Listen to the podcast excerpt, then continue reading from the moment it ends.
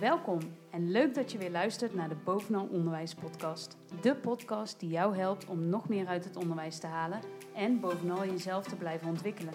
Wij zijn Tom en Christel, beide werkzaam in het onderwijs en altijd op zoek naar nieuwe inspiratie om onszelf verder te kunnen ontwikkelen. Wij maken jou graag deelgenoot van onze zoektocht en hopen je te kunnen inspireren om zelf ook op zoek te gaan naar jouw uitdagingen.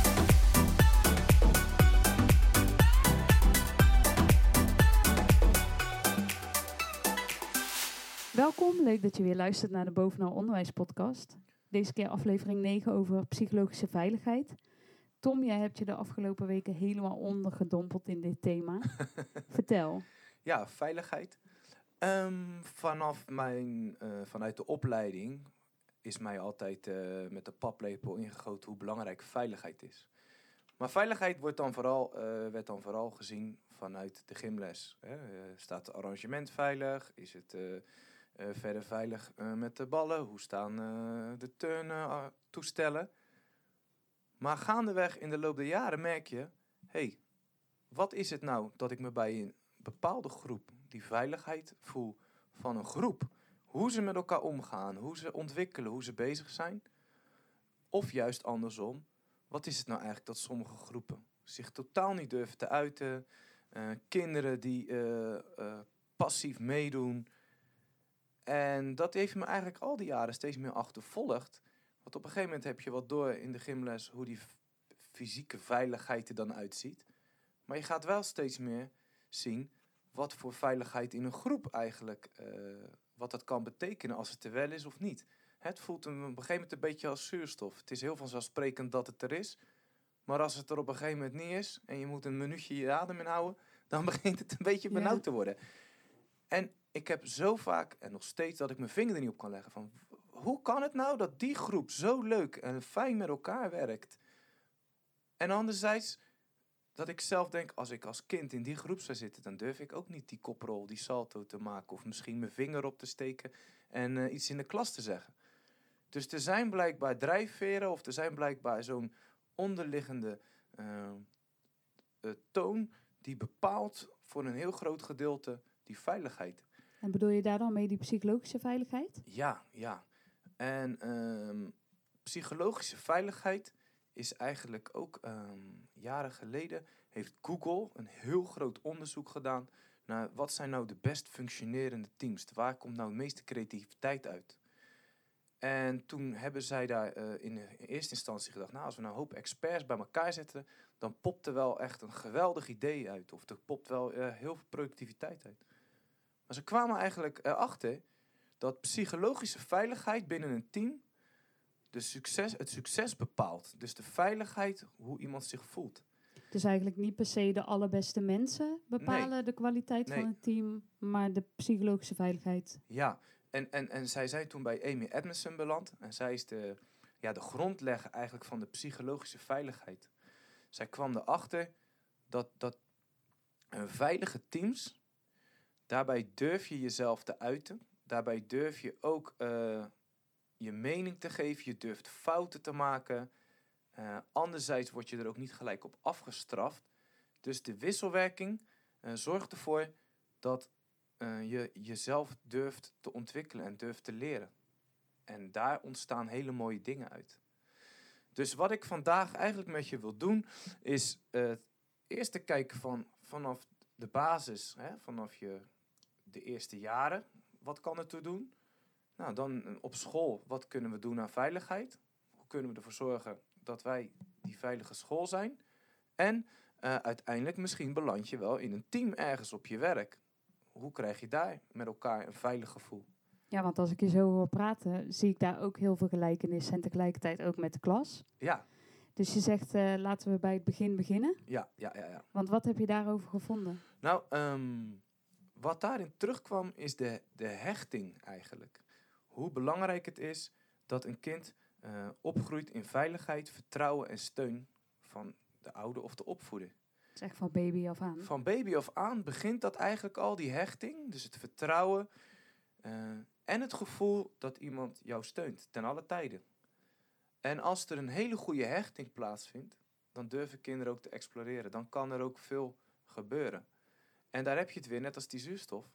Ik heb een aantal kinderen in mijn hoofd, en misschien jij ook, waar er totaal geen goede hechting heeft plaatsgevonden. En toen hoorde ik op een gegeven moment bij een IB van ja, die heeft hechtingsproblematiek. Ik dacht, ja, het zal wel. Ja. maar het kind had onwijs weinig zelfvertrouwen. En ook vertrouwen in de leraar of de ander. En daar schrok ik wel van, want dat had heel veel invloed op die betreffende groep die ik nu in mijn hoofd heb. Want wat merkte je daar dan aan, zeg maar, bij die leerling zelf? Ehm, dat, ehm, dat zij heel weinig vertrouwen had in zichzelf. Heel moeilijk om kon gaan met emoties. En anderzijds ook heel bijna apathisch in- met, met dingen die ze moest doen. Eh, dus het gevoel van veiligheid begint eigenlijk al in die eerste jaren. Ja. En ehm, ja, dat is wel iets wat je dan uiteindelijk meeneemt naar je basisschool. Ja. Dus veiligheid, eh, vertrouwen, steun. En dat zijn eigenlijk twee dingen. Het is aan de ene kant eh, relationeel, dus in contact met de ander, hè, die veiligheid, maar ook emotioneel, dus naar jezelf toegekeerd. En als dat goed zit, ja, dan kan je exploreren. Gaat dat niet goed, is dat een heel ingewikkeld proces ook om te begeleiden. ja, dat herken ik. Ja, Want je zei net van misschien heb je zelf ook wel wat kinderen in je gedachten. Heb ik inderdaad, als je het hebt over hechtingsproblematiek. En dat vond ik ook echt wel een van de grote uitdagingen als je een klas had waar iemand in zat met hechtingsproblematiek.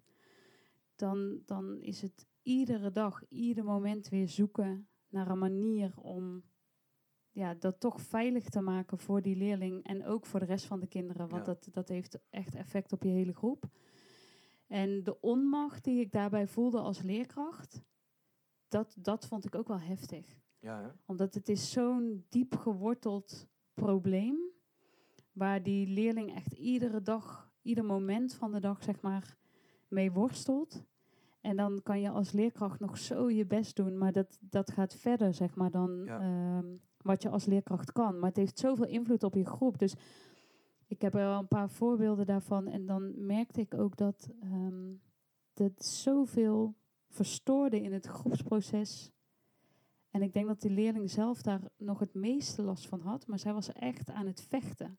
Ja. Dus continu in een soort staat van alsof er gevaar dreigt. Ja, ja, ja. Dat is ook wel wat ik daaruit geleerd heb. Dat eh, hoe goed je ook je best doet. Deze kinderen zijn van zo jongs af aan hebben zij iets essentieels gemist. Mhm. Dat ze continu het gevoel blijven houden dat er gevaar dreigt. Dus dat ze, Ja.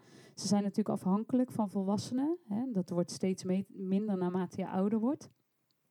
Maar als kind op de basisschool ben je natuurlijk ook nog wel heel erg afhankelijk van die ja. leerkracht voor de klas. En als jij continu het gevoel hebt dat die leerkracht eh, weg zou kunnen gaan, of dat je daar geen vertrouwen in hebt, of dat je het gevoel van onveiligheid zit zo diep geworteld dat je daar continu naar op, op zoek gaat. Dus je bent continu aan het vechten eigenlijk Ja. voor dat gevoel van veiligheid. Ja. En dan zie je al, je zei het net al, het is een fundamentele eh, behoefte van iedereen. Ja, En ehm, het is ook niet vanzelfsprekend dat er veiligheid is. En ehm, Amy Edmondson heeft ook ontdekt van, het is heel normaal eh, als je ergens in een onveilige situatie zit, dat je jezelf, eh, dat je geen kritische vragen stelt, dat je eh, een passieve houding aanneemt, dat je niet dom wil overkomen. Want iedereen wil gewoon bijvoorbeeld aardig gevonden worden of niet dom overkomen. Dus om dat op een, dus om in je klas een situatie te creëren waarin de ruimte is voor iedereen om te exploreren, om een veilig gevoel te krijgen. Dus dan zou je kunnen zeggen, die kinderen met hechtingsproblematiek zijn het ene uiterste. Maar hoe ziet het dan uit in een gezonde situatie? Hè? Ehm, een klas, als je je vinger erop zou willen leggen, wat moet er dan in die klas aanwezig zijn als je daaraan denkt? Waarbij jij denkt van ja, dat, dat is een veilige klas. Daar zou ik als kind wel in durven te, ja, te werken of te leren eigenlijk. Ja, ik denk dat je het zelf net al voor een deel aangeeft. Als je in een onveilige situatie zit, dan trek je jezelf terug. Mhm. Denk je van ik wil niet dom overkomen, dus je gaat geen vragen stellen. Als je hem dan omkeert in een veilige situatie, dan zit je dus in een situatie waar je je vraag durft te stellen, ongeacht wat het antwoord is. Ja. En dat daar eh, binnen die groep eh, kinderen, dat daar ook de ruimte voor is. En dat iedereen weet van, nou je mag een vraag stellen. En misschien weet ik het antwoord op die vraag van mijn klasgenoot al lang. Maar iedereen is hier om te leren en iedereen Ja. mag leren en iedereen mag fouten maken. Ik denk als je dat weet te bewerkstelligen, ja, dan zou je kunnen komen tot een eh, psychologisch veilig klimaat in je groep. Ja, en, en, en ook de drempel om iets te durven zeggen is denk ik ook belangrijk. Dat het heel laag ligt. Ja. Dus dat, eh, dat, dat iedereen misschien het gevoel kan hebben dat hij gehoord wordt. Ik, ik, ik denk dat dat ook een belangrijk aspect is. Dus dat kinderen die zich heel erg terugtrekken, dat je die er ook bij houdt. Dat je ze eigenlijk eh, meeneemt in vertrouwen. Ehm, maar voor mij is het zo moeilijk dat ik wel eens denk van ja, ik, ik, ik probeer een voorbeeldgedrag te laten zien. Ja. En het is ook heel belangrijk dat de leraar daarin eh, het voorbeeld is. En toch werkt het niet altijd. Dus die kinderen hebben elkaar ook nodig om, eh, om die veiligheid te creëren. Want hoe zie jij dat in jouw gymles? Ja, voor mij kan het heel confronterend zijn, omdat eh, eh, ja, je, ge je gebreken of de dingen die je niet kan, zie je best wel snel terug in de gymles. Hè? Dus je ziet letterlijk of iemand iets wel of niet kan. Ja, die fysieke beperking. Hoe kinderen dan eh, met elkaar omgaan, bepaalt heel erg het gevoel van ik mag er zijn, ik doe ertoe eh, en ik durf mezelf hier kwetsbaar op te stellen. Eh, op het moment dat je dat niet durft, op het moment dat jij ze, eh, merkt van hé, hey, ik ga hier niet mijn, eh, mijn eigen, mijn goede kanten of mijn kanten laten zien, ehm, dan wordt het voor jezelf moeilijk om te leren. Dan ontneem je jezelf eigenlijk het leren. Als ik zelf terugdenk aan gymles, Mhm. volgens mij hebben we het hier al vaker over Ja. gehad, maar ik ben niet de allerbeste gym, gymleerling was Ja. ik. Dan, dan was dat wel essentieel inderdaad. Ja. Dat het gevoel dat je af zou gaan voor je klasgenoten, omdat je iets niet kan. Ja. Omdat je gewoon fysiek zeg maar niet in staat bent om iets te doen. Ehm, dat maakt wel dat je, dat je inderdaad een beetje duikgedrag gaat vertonen. Juist, ja. En volgens mij hebben we het al wel eens eerder over gehad. Touwklimmen was voor mij echt als ik de gymzaal inkwam Ja. en ik zag die touwen uithangen. En ik wist gewoon, je gaat met de hele klas voor die touwen staan Mhm. in rijtjes van vijf. En om de beurt moet jij zo ver als je kan naar boven klimmen. En je weet dat je nog geen meter hoog komt, terwijl de andere echt binnen drie seconden helemaal tot bovenaan het plafond zit. Ja, dan, dan moet je wel van goede huizen komen als gymleerkracht om dat de ruimte te geven. Ja. Want ik weet van mezelf, dat, dat waren momenten, dan werd ik heel onzeker. En dan ging ik of even naar de wc en dan sloot ik daarna achteraan in de rij verder. Ja, ja, ja. Of ehm, ik, ik deed net of ik last van mijn hand had of zo, weet je wel. Waardoor je dan zei, nou ga jij maar. Of ik sla een beurt over. Als een leerkracht dan ook niet helemaal, zeg maar, dat ziet, dan kan je ook wel duikgedrag vertonen. ja. Maar dat, dat vind ik in een, in een gymsetting, maar dat heeft misschien meer te maken met mijn kwaliteit in de gymzaal, vond ik dat een stuk spannender dan bijvoorbeeld in de klas. Ja. Want op het moment dat je je incompetent voelt, ehm, ja, dan is het de uitdaging, denk ik, als leerkracht. Wat doe je met die leerling die zich incompetent voelt? En hoe zorg je ervoor dat die naar voren durft te stappen en eigenlijk tegen jou durft te zeggen van, hé hey meester, dat touwklimmen, ik weet gewoon niet hoe het moet. Het Ja. lukt me niet. Heb ik de verkeerde techniek? Doe ik iets verkeerd? Ben ik 10 kilo te zwaar? Weet je, dat Eh, soort dingen. Ja, ja, ja, ja. Dat die vraag gesteld kan worden. Dus vragen durven stellen, ja. is daar een belangrijk ding in? En ook erkennen dat je het niet weet of niet kan. En ehm, als je dat nou naar de klas vertaalt bijvoorbeeld, wat zijn dan voor jou kenmerken dat je denkt, hé, hey, in de klas is het niet veilig hier. Ik, ik heb het gevoel, want dat maakt het zo abstract, hè? Het is zo vaak zo'n gevoel van, wauw, ik kan nu wel heel erg mijn best doen, maar op een of andere manier lijkt het of de kinderen niet zichzelf helemaal durven te geven om zichzelf te beschermen. Heb jij in je klas dingen, Nou, stiekem gedrag. stiekem gedrag? Stiekem gedrag is voor mij wel een voorbeeld dat je dus niet helemaal jezelf durft te zijn. Ehm, kinderen die nooit hun vinger opsteken. Ehm, kinderen die toch gaan lachen als iemand een antwoord geeft wat, wat Ja, fout is. Funest is dat ook, ja. Ja. weet je, als je als kind degene bent die misschien niet zo goed is in rekenen en jij krijgt de beurt op dat moment ehm, en je wordt uitgelachen, ja, never nooit dat jij het nog een keer gaat proberen dan de volgende keer. Ja. Dus wat ik al wel heel fijn vind om te zien, is dat ik denk dat er in de afgelopen jaren wat dat betreft ook wel heel veel inzichten gekomen zijn. Dus dat er veel minder bijvoorbeeld klassikaal beurten gegeven worden of vinger opsteken. Weet je wel, dat zijn dingen, daar hebben we tegenwoordig echt hele andere ideeën over. Ja. Gebruik van wisbordjes vind ik daar een hele mooie van. Ehm, iedereen schrijft een antwoord op en iedereen laat het zien aan de leerkracht. Maar je hoeft niet hardop in de klas jouw antwoord te geven. Maar als leerkracht kun jij wel precies zien wie het begrijpt en wie niet. Ja. Tegelijkertijd vind ik ook dat we een, een klimaat moeten creëren waarin je niet je fouten hoeft te verbergen of nooit hoeft te delen met de ander. Want dan komen we in een soort situatie terecht waarin het lijkt dat iedereen altijd alles weet.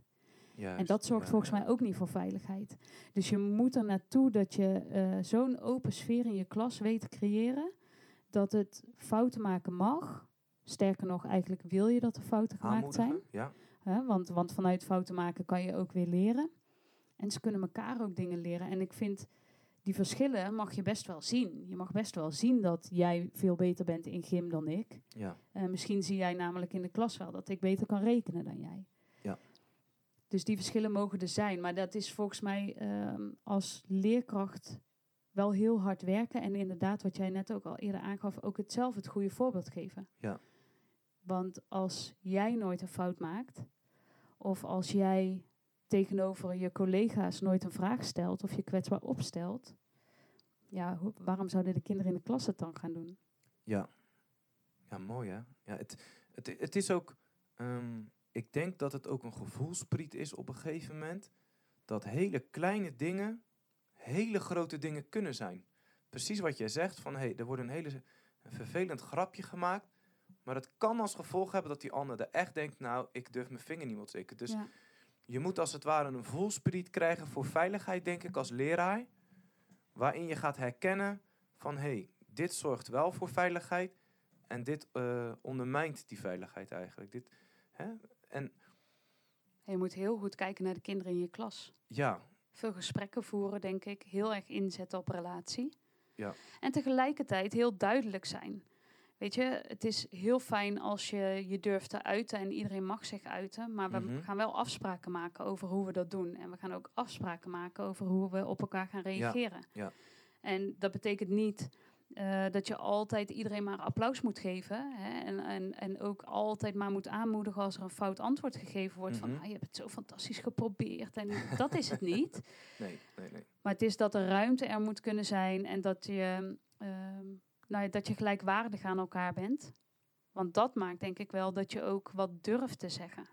Als er gelijkwaardige relaties zijn binnen je klas. Ja, En ook dat je als leerkracht gelijkwaardig durft te zijn aan die kinderen. Je bent niet hetzelfde of je bent niet ehm, gelijk, zeg maar. Maar dat je wel zegt van, oké, jij mag een fout maken, maar ik mag ook een fout maken. ja, En ik hoef als leerkracht niet altijd alles te weten. Het kan ook zijn dat jij mij een vraag stelt en dat ik zeg, nou, ik weet het antwoord niet. grappig. Ja, Laten we eigenlijk, samen zoeken. eigenlijk kan je je als leraar ook heel onveilig voelen in een groep. Zeker, Precies andersom eigenlijk. zeker weten. Ja, Want als die groep jou laat zien dat zij echt scheid hebben aan wat jij allemaal zegt. ja, En dat zij toch hun eigen gang wel gaan. Dat je geen grip hebt of dat er op een hele vervelende manier onderling met elkaar wordt omgegaan. Ja. Daar kan je heel veel last van hebben. En, en ehm, bijvoorbeeld pesten is ook, eh, wordt steeds meer duidelijk dat op het moment dat er gepest wordt, de ander niet meer aan leren toekomt. Die is in die overlevensmodus van veiligheid. Ja, Eh, en dat is zo funest. En ehm, wat ik ook heel, wat ook een groot misverstand is, is dat het stukje presteren staat niet haaks tegenover veiligheid. Hè? Dus het is, eh, je hebt aan de ene kant, als je een horizontale lijn zou trekken, hè, wat verwacht je van je leerlingen? Hè? Heb je lage verwachtingen, hele hoge verwachtingen? En die hele hoge verwachtingen hè, kan op allerlei manieren zijn. En als je hem verticaal trekt, gaat het dus over de psychologische veiligheid. De onderste is, er is eh, totaal geen psychologische veiligheid. Je durft niks aan te gaan of je hebt het gevoel van het doet er toch niet toe. En helemaal daarboven is echt het ultieme veilige gevoel. En dan zou je hem zo door kunnen trekken dat er vier vlakken zijn. Als je in die helemaal linksonder zit je in het apathische. Je hebt hele lage verwachtingen, het doet er allemaal niet zoveel toe. Maar de veiligheid is ook heel laag. Dus je gaat je zeg maar afzijdig houden. Je denkt, nou, het zal wel. Eh, het doet er toch niet toe wat ik ervan vind. Rechtsonder, dat is een hele gevaarlijke, liggen de verwachtingen heel hoog. Eh, ik kan me zo voorstellen dat dat kan zijn ehm, in een klas waar je de ouders van verwachten dat je je VWO gaat halen en de druk is heel groot. Maar die psychologische veiligheid is enorm laag. Dus jij durft je fout niet toe te geven. En dat is een hele gevaarlijke zone. Dan heb je linksboven, en dat is de zone uh, waar het eigenlijk de, dat is een beetje de free willy, de veilige zone, waarin je dus uh, hele grote psychologische veiligheid hebt, maar er wordt ook niet zoveel van je verwacht. Hè? Dus je wordt ook niet zo uitgedaagd. En uh, dat is fijn. Daar kan je heel lang in, uh, in varen. En als kind gaat dat ook heerlijk. En ik denk ook als volwassen in een team. Maar waar je naartoe wil is hoog, hoog. Dat betekent hele hoge verwachtingen. Duidelijk kader van hè, waar willen we naartoe? Misschien een doelstelling. En daarnaast die psychologische veiligheid. En dan kom je dus in de learning zone. En daarin, daarin kun je als team en als klas exploreren. En toen ik dat uh, zag, dat, dat, dat, ja, wat is het, dat, dat schemaatje, toen dacht ik bij mezelf, wauw, ik kan dus eigenlijk heel veel klassen en teams voor mijn gevoel in een van die vier vakken zetten. Ja, het is heel duidelijk wat je benoemt. Je hebt mij het vierkantje laten zien, een soort ja. kwadrant is het eigenlijk. Ja, je zou het eigenlijk moeten zien. Ik hoop dat ik het een klein beetje goed heb uitgelegd. Ja, we gaan hem delen, sowieso, ja. zodat je inderdaad een beeld krijgt daarvan. En, en, en dan, dan kom je er ook inderdaad in dat beeld van hoog, hoog. In die learning zone.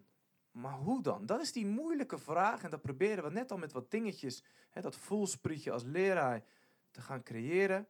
Want het feit dat we het weten, dat is niet zo moeilijk. Maar hoe gaan we daar naartoe? Je moet er naartoe werken. Hè? Hoe kan ik een hele veilige situatie creëren waarin iedereen hoog, hoog durft te zitten en ook te, ja, als, als klas ook in wil zitten? Ik denk dat het een combinatie van beide is. Want uh, je werkt natuurlijk aan die psychologische veiligheid. Mm -hmm. daar, daar ga je acties op inzetten. Dat, dat betekent volgens mij dat je heel erg in moet zetten op de relatie.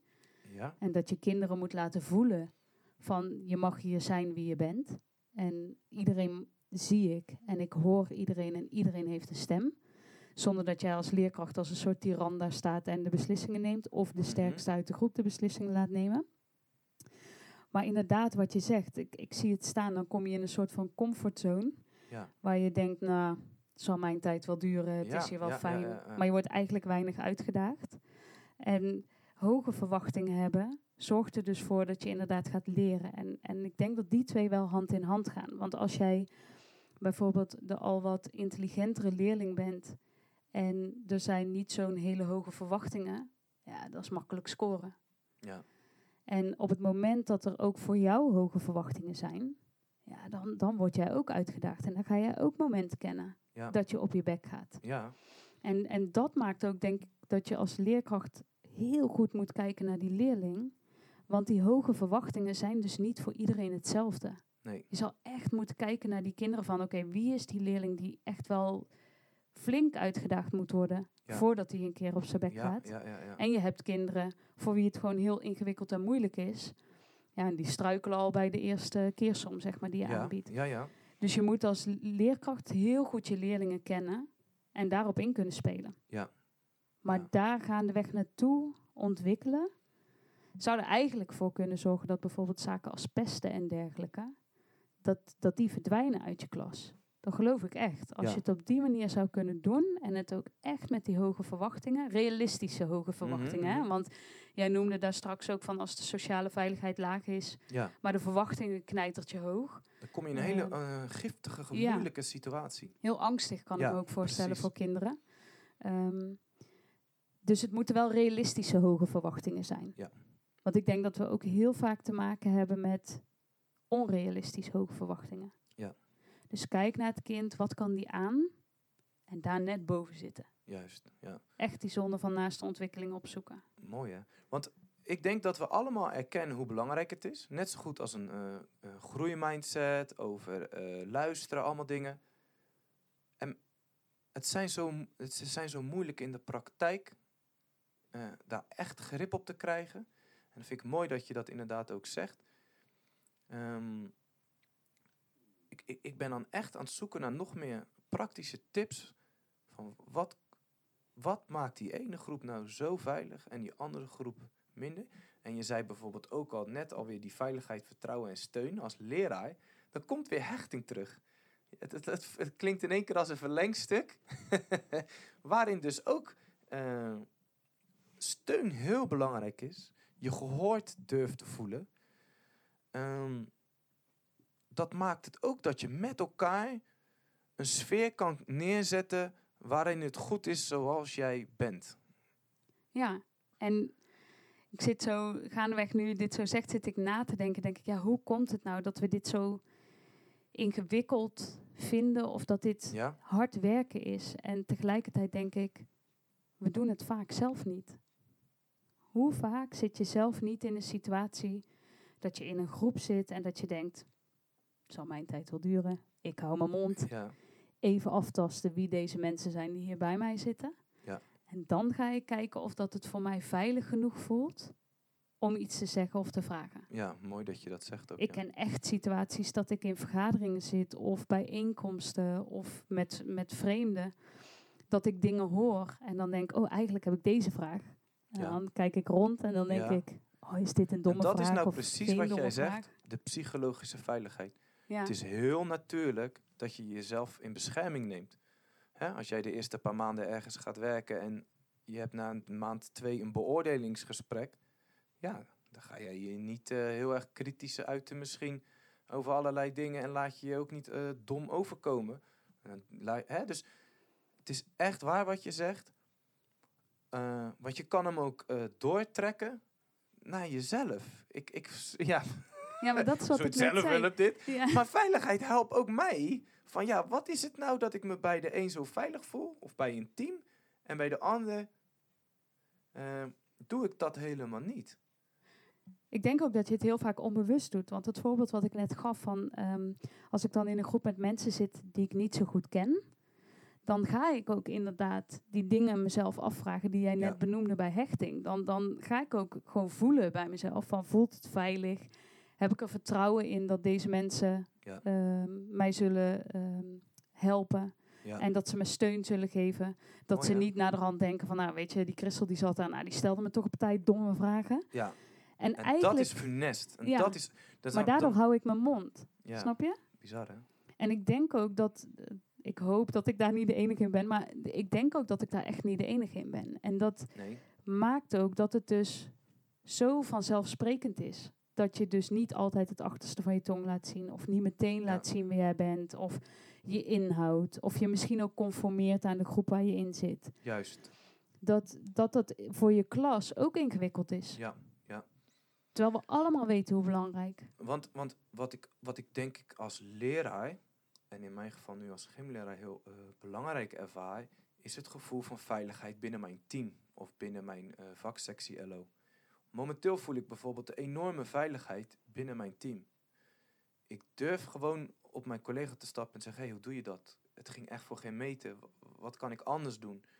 Eh, we maken grappen, maar ik heb niet het gevoel eh, dat ik belachelijk word gemaakt. Eh, ik durf dus echt gewoon bij hun mezelf te ontwikkelen.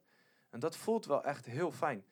Ehm, precies wat jij zegt, als je het gevoel hebt dat iets al de standaardnorm is en dit is allemaal hoe het is en eh, dat het dom is als jij het vraagt, die kwetsbaarheid, dat remt je enorm. Dus Kan jij beschrijven wat maakt dat het in dat team waar je nu in zit, dat het zo goed voelt? Eh, ja, omdat, kijk, je hebt het stukje zelfvertrouwen, daar hebben we het al uitgebreid over gehad in een eerdere podcast. Maar het stukje vertrouwen is ook dat je de ander vertrouwt in dat jij jezelf mag zijn, dat je ook een andere mening mag hebben, dat je er anders over mag denken en dat het goed is hoe jij erover nadenkt. Maar ze zullen me ook een kritische vraag stellen. Ze zullen ook tegen mij zeggen, hey, gek, waarom doe je het zo man? Of doe even dit, of nee joh. Dus dat is het vertrouwen dat het met de goede intentie bedoeld is. En dat we Mhm. met elkaar eh, willen groeien. Ik heb het gevoel van, hey, we kunnen echt nog wel een hoop stappen zetten. Want jij bent daar goed in, jij bent daar goed in. Ehm, ik heb misschien dit wat ik jou kan bieden. En we voelen dat we het beste uit elkaar kunnen halen. Hè? Het, is, het, is, eh, het is geen race wie de beste is. Nee, en ik kan me wel herinneren dat ik wel eens het gevoel heb gehad van... oh, ik moet laten zien dat ik het goed kan. Ik ben eh, misschien beter dan. Nee. Ja, Hè? Je zou eigenlijk, als je een team bent... eh, niet naar links en rechts moeten kijken van hoe kan ik die ander verslaan. Maar meer zo van, hé, hey, wat heb jij te bieden? Waar ik van kan leren. En, en wat kan ik jou bieden? En wat hebben we van elkaar nodig? en dat zou zo mooi zijn, want je benoemde net ook de, het beoordelingsgesprek. Mhm. Als ik daar dan over nadenk in context zeg maar, met wat jij beschrijft over dat team, waarin jij je zo goed voelt, Ja, daar, daar zitten dus ook verschillen in. Ja. Want ik hoor je zeggen, we maken gebruik van elkaars kwaliteiten ja. en daarmee komen we eigenlijk verder, of daardoor komen we verder. Mhm. En dat is denk ik ook wat een beoordelingsgesprek zou moeten zijn. Je kan niet iedereen door hetzelfde eh, gaatje laten gaan. Nee, eens. Zeg maar, je moet echt kijken naar wie is die persoon die voor me staat, welke kwaliteiten brengt hij met zich mee. En ik vind het fijn om te zien dat we dat gelukkig steeds meer gaan doen. Dat we Ja. echt gaan kijken naar, oké, wie is die persoon? Wat is dat voor leerkracht? Ja, En als ik dus een beoordelingsgesprek voer, ja, dan hoop ik dat van tevoren bekend is waarnaast je beoordeeld wordt, aan Ja. de hand van welke punten. Ja. Maar dat daar dus ook verschil mag zijn. Dat je dus ook Ja. niet allemaal hetzelfde hoeft en te of doen. je net nieuw bent of al heel veel ervaring hebt. ja. En ook, eh, dus een veilig gevoel binnen een team betekent dus ook, als er een klas is die echt heel moeilijk is voor diegene, dat, dat je een vangnet bent voor elkaar, waarin die andere ook, als het ware, zich kwetsend du- durft op te stellen in het team. Ja, je staat er En het gevoel voor. heeft van, hé, hey, ik durf mezelf echt te uiten en ik, ik word niet afgeslacht. Ja. En die oprechte eh, intentie van elkaar om, om elkaar te steunen, dat is goud. En ik weet zeker dat, dat je dat herkent als je luistert. Je denkt, ja, bij, bij bepaalde situaties heb ik het gevoel van, ik durf me kwetsbaar op te stellen. En in andere gevallen denk je, ja, dag, ik, eh, ik, ik laat wel zien dat het goed gaat. Ja, ik, ik heb dat stiekem ook wel gehad, misschien bij, bij sommige gymlessen. Dan kwam de leerkracht en ging het? Ja, het ging goed hoor. Terwijl ik eigenlijk het liefst wilde zeggen van, nee, het ging helemaal niet goed. En wat maakte dan dat je op dat moment toch zei van ja, het ging goed? Want die leerkracht komt de klas weer ophalen.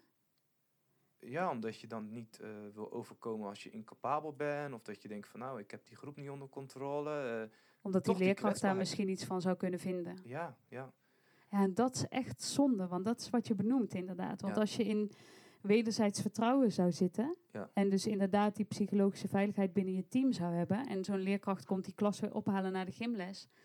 dan zou je dus eigenlijk hopen dat je zegt... nou, ik weet niet wat het vandaag was, maar het Ja. liep eigenlijk niet zo. Ja. Merkte jij het vandaag ook? Of ligt het aan mij en mijn gymles? juist. Ja, Dan heb je zo'n ander gesprek. ja, ja.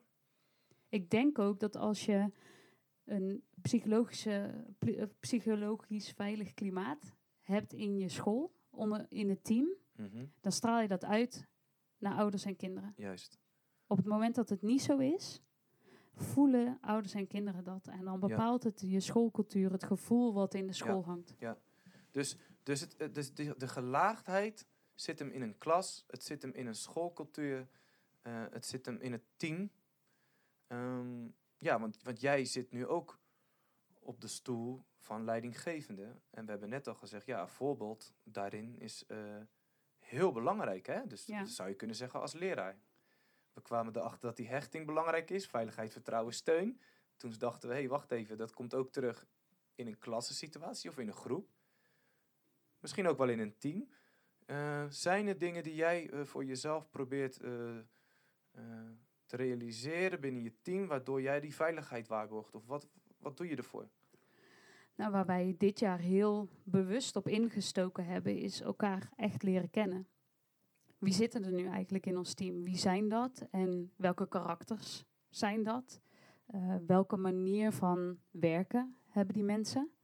Waar we denk ik in het verleden meer voor lief aannamen dat wij een team waren met elkaar. Mhm. En eh, gewoon allerlei dingen gingen doen. Hebben we nu echt gekeken naar, maar wie ben jij nou eigenlijk? Nieuwsgierigheid eigenlijk. Ja. Echt kijken naar wie ben jij en op welke manier werk jij. En op welke manier vind jij het prettig om je aandeel te leveren in een vergadering. Ben jij iemand die meteen antwoord geeft?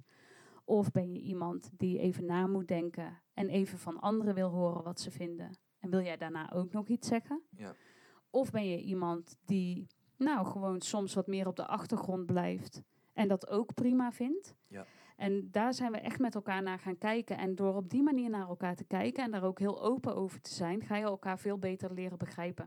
Ja. En dan weet je dus ook van, ah, die collega, dat is altijd degene die als eerste antwoordt, want die heeft gelijk de mening klaar en eh, een visie over hoe of wat. En diegene, die kon in het verleden nog wel eens denken, ja, die zegt nooit iets in een vergadering. Die heeft geen mening. Mhm. Nu, door echt heel specifiek naar elkaar te kijken, weten we, diegene heeft zeker wel een mening. Maar dat is gewoon iemand die moet er even over nadenken. Oké, En die wil daarna nog wel eventjes zeggen wat diegene ervan vindt. leuk dat je dat zegt. Want dat, wat, dat komt dus ook eh, naar voren eh, bij die Em- Emerson. Dat iedereen gehoord moet worden. Dus inderdaad van, hé, hey, wacht even. En dan merk ik De ook aan drempel moet mezelf. steeds lager worden om iets te durven zeggen. Ja, Als dat eh, het toelaat. En ik merk leuk. ook aan mezelf dat ik ben iemand die ook heel vaak meteen reageert, meteen actie. Eh, maar daardoor doe je anderen soms echt tekort. Tekort, ja. En dat is wel iets wat ik geleerd heb door ook heel bewust met het team hier naar te kijken. Ja. Van geef die ander de ruimte. En ook al duurt het misschien iets langer dan wanneer ik dat zou doen, op het moment dat diegene wel iets gaat zeggen en er even over na heeft kunnen denken, komen er echt hele waardevolle dingen naar boven. ja. En dat, dat is iets, ja, iedereen moet gehoord en gezien worden. En dat- fundamenteel, hè? Ja, zeker. Dus, dus gehoord worden en gezien worden, eh, ruimte geven eh, voor iedereen zijn ideeën, zijn meningen, zijn, zijn fouten. ja. Ehm, Zonder daar gelijk een oordeel over te hebben. Ja, We zijn heel erg geneigd om gelijk iets te vinden van wat iemand zegt. Maar het is goed, denk ik, om alle input te verzamelen. En dan met elkaar te kijken van oké, wat ligt er nu op tafel? En waar gaan we dan mee aan de slag? En Ja. dat is in je klas ook mooi. Want je hebt Ja. in je klas ook altijd kinderen die... Nou, sommigen zijn haantje de voorste. Ja. Andere hoor je nooit. Er zijn altijd kinderen die zullen nooit hun vinger opsteken. leuk hè? Je ziet haast parallellen. Ja, maar, dat is het. Ja, Nee, ja. echt. Laat me je één ding vertellen. Of je nu als leerkracht voor de klas staat of als schoolleider een school runt, je team is je klas. Dat is Ja. hetzelfde. We zijn allemaal mensen en we hebben allemaal iets nodig. Hetzelfde als die kinderen in je klas, je die hebben ook allemaal iets nodig. En dat verschilt niet met volwassenen die in een team zitten. Nee. Nou ja, het, het, het cirkeltje blijft ronddraaien daarin hè? Het, Ja. is, het is mooi. En eh, zijn er nog dingen die met betrekking tot veiligheid, die, die, waarvan jij zegt, ja, dat, dat hebben we eigenlijk nog niet benoemd. En dat is toch wel heel belangrijk om, om, om daar nog aan te denken. Nou, ik denk dat we, dat we veel al benoemd hebben. Maar wat bij mij heel erg blijft hangen is dat stukje hechting. Mhm. En de invloed die eh, de continue dreiging heeft, zeg maar het gevoel van continue dreiging als je dus te maken hebt met hechtingsproblematiek, zorgt voor zoveel stress bij kinderen. Mhm. En ik kan me ook zomaar voorstellen dat de thuissituaties van kinderen die in, ehm, in een achterstandscontext opgroeien, die hebben te maken met heel veel dreiging. En ondanks dat dat misschien feitelijk helemaal niet nodig is, Mhm. maar dat gevoel van, van ehm, ik ben niet veilig of ik moet op zoek naar veiligheid, kan zoveel stress met zich meebrengen dat het het leren echt in de weg Ja, zit. dat is een belangrijke. Ja. ja. En dat maakt dat ik hoop dat we met z'n allen, en zeker in tijden van corona, want dat is wat je, waar je nu gewoon mee te maken hebt, Ja. dat voelt voor heel veel kinderen ook onveilig. Onzekerheid. Onzekerheid, ja. Dat, dat we echt met elkaar blijven kijken naar die kinderen van waar komt het nou vandaan en wat kunnen wij eraan doen en hoe kunnen we ze helpen en begeleiden. En dat we daarin misschien het leren niet op nummer één zetten, maar even op nummer twee. En dat we met z'n allen continu proberen te werken aan die psychologische veiligheid. En dan Mooi. Ja. komt leren daarna. Dat, dat Ja. zou voor mij het ideale eh, Ja, plaatje Ze zijn. zeggen wel eens vertrouwen komt te voet en gaat te paard. Maar misschien kan je dat ook over veiligheid zeggen. Hè? Eh, Ja, Het kan zomaar in één keer weg zijn. En, eh, ja. ja, als ik jou zo hoor, is het ook een proces waar we altijd alert op moeten zijn. Waar we hard voor moeten werken. En wat fundamenteel is voor het leren. Dus ik, ja, ja, het is een mooie om mee af te sluiten, denk ik. ja, En ook gewoon eens in je eigen praktijk te kijken van wat zie ik daar nou van terug in mijn klas, wat zie ik er terug van in mijn team. Ja. En eh, En ja. als je nou nog eh, luistert en denkt, ik heb zulke goede tips. Of ik heb echt gewoon, dit boek moet je lezen. Dit heeft mij eh, verrijkt. Of deze TED Talk of iets. Laat het ons ook weten. Want ja, voor mij is veiligheid zo belangrijk. Alleen om het altijd concreet te maken is niet een, even makkelijk altijd. Nou, gelukkig leren wij ook nog iedere dag, toch? Dankjewel voor het luisteren naar deze podcast. We horen graag van jou wat je ervan vindt. En tot de volgende aflevering.